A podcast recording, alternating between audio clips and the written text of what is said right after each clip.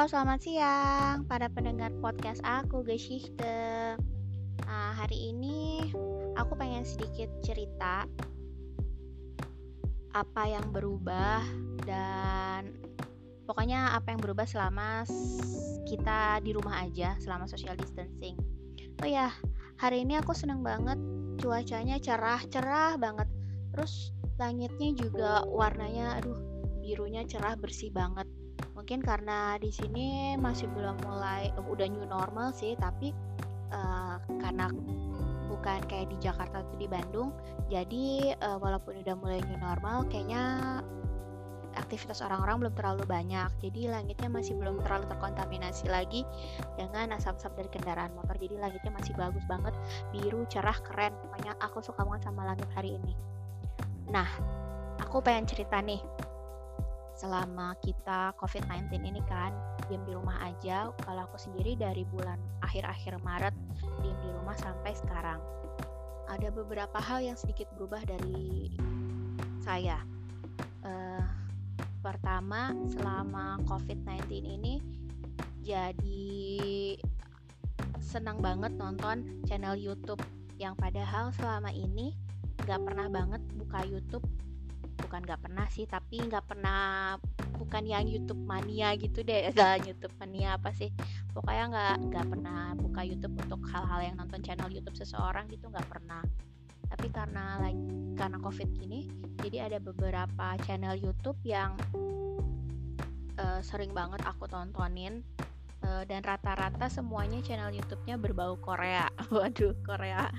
Ya jadi aku pengen sharing beberapa channel YouTube yang aku senang banget tonton selama COVID-19 kalau di rankingin kayaknya yang pertama ada Kimbap Family.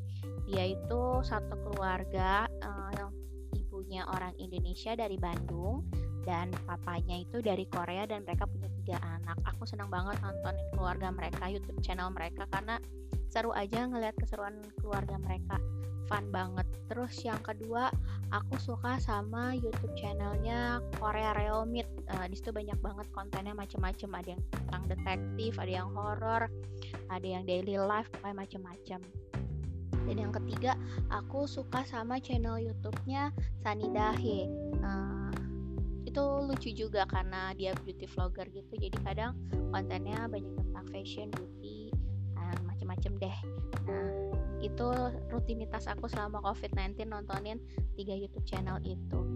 Dan hmm, yang selanjutnya uh, yang aku lakuin selama COVID-19 ini adalah mulai bikin podcast ini. Uh, jadi kayak ada inspirasi gitu deh buat ngomong-ngomong ngebahas sesuatu pokoknya gitulah.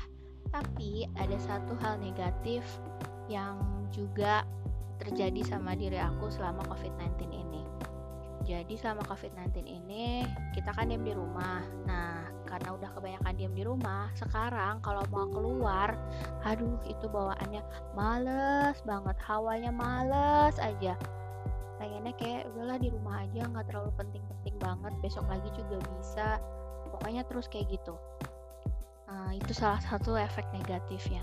Nah, kalau buat kalian sendiri gimana di luaran sana yang udah ngejalanin social distancing pasti ada efek negatif dan efek positifnya ya dari social distancing ini.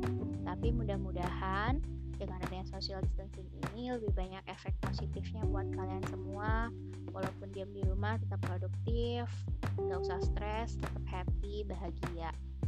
Dan terima kasih aku ucapin buat kalian yang udah mau dengerin podcast aku dari awal aku bikin podcast ini di bulan April sampai sekarang baru sekitar dua bulanan.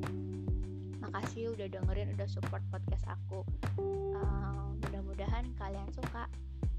Ya gitu aja deh cerita hari ini. Aku cuma pengen keluarin unek-unek aku aja. Makasih banyak, selamat beraktivitas.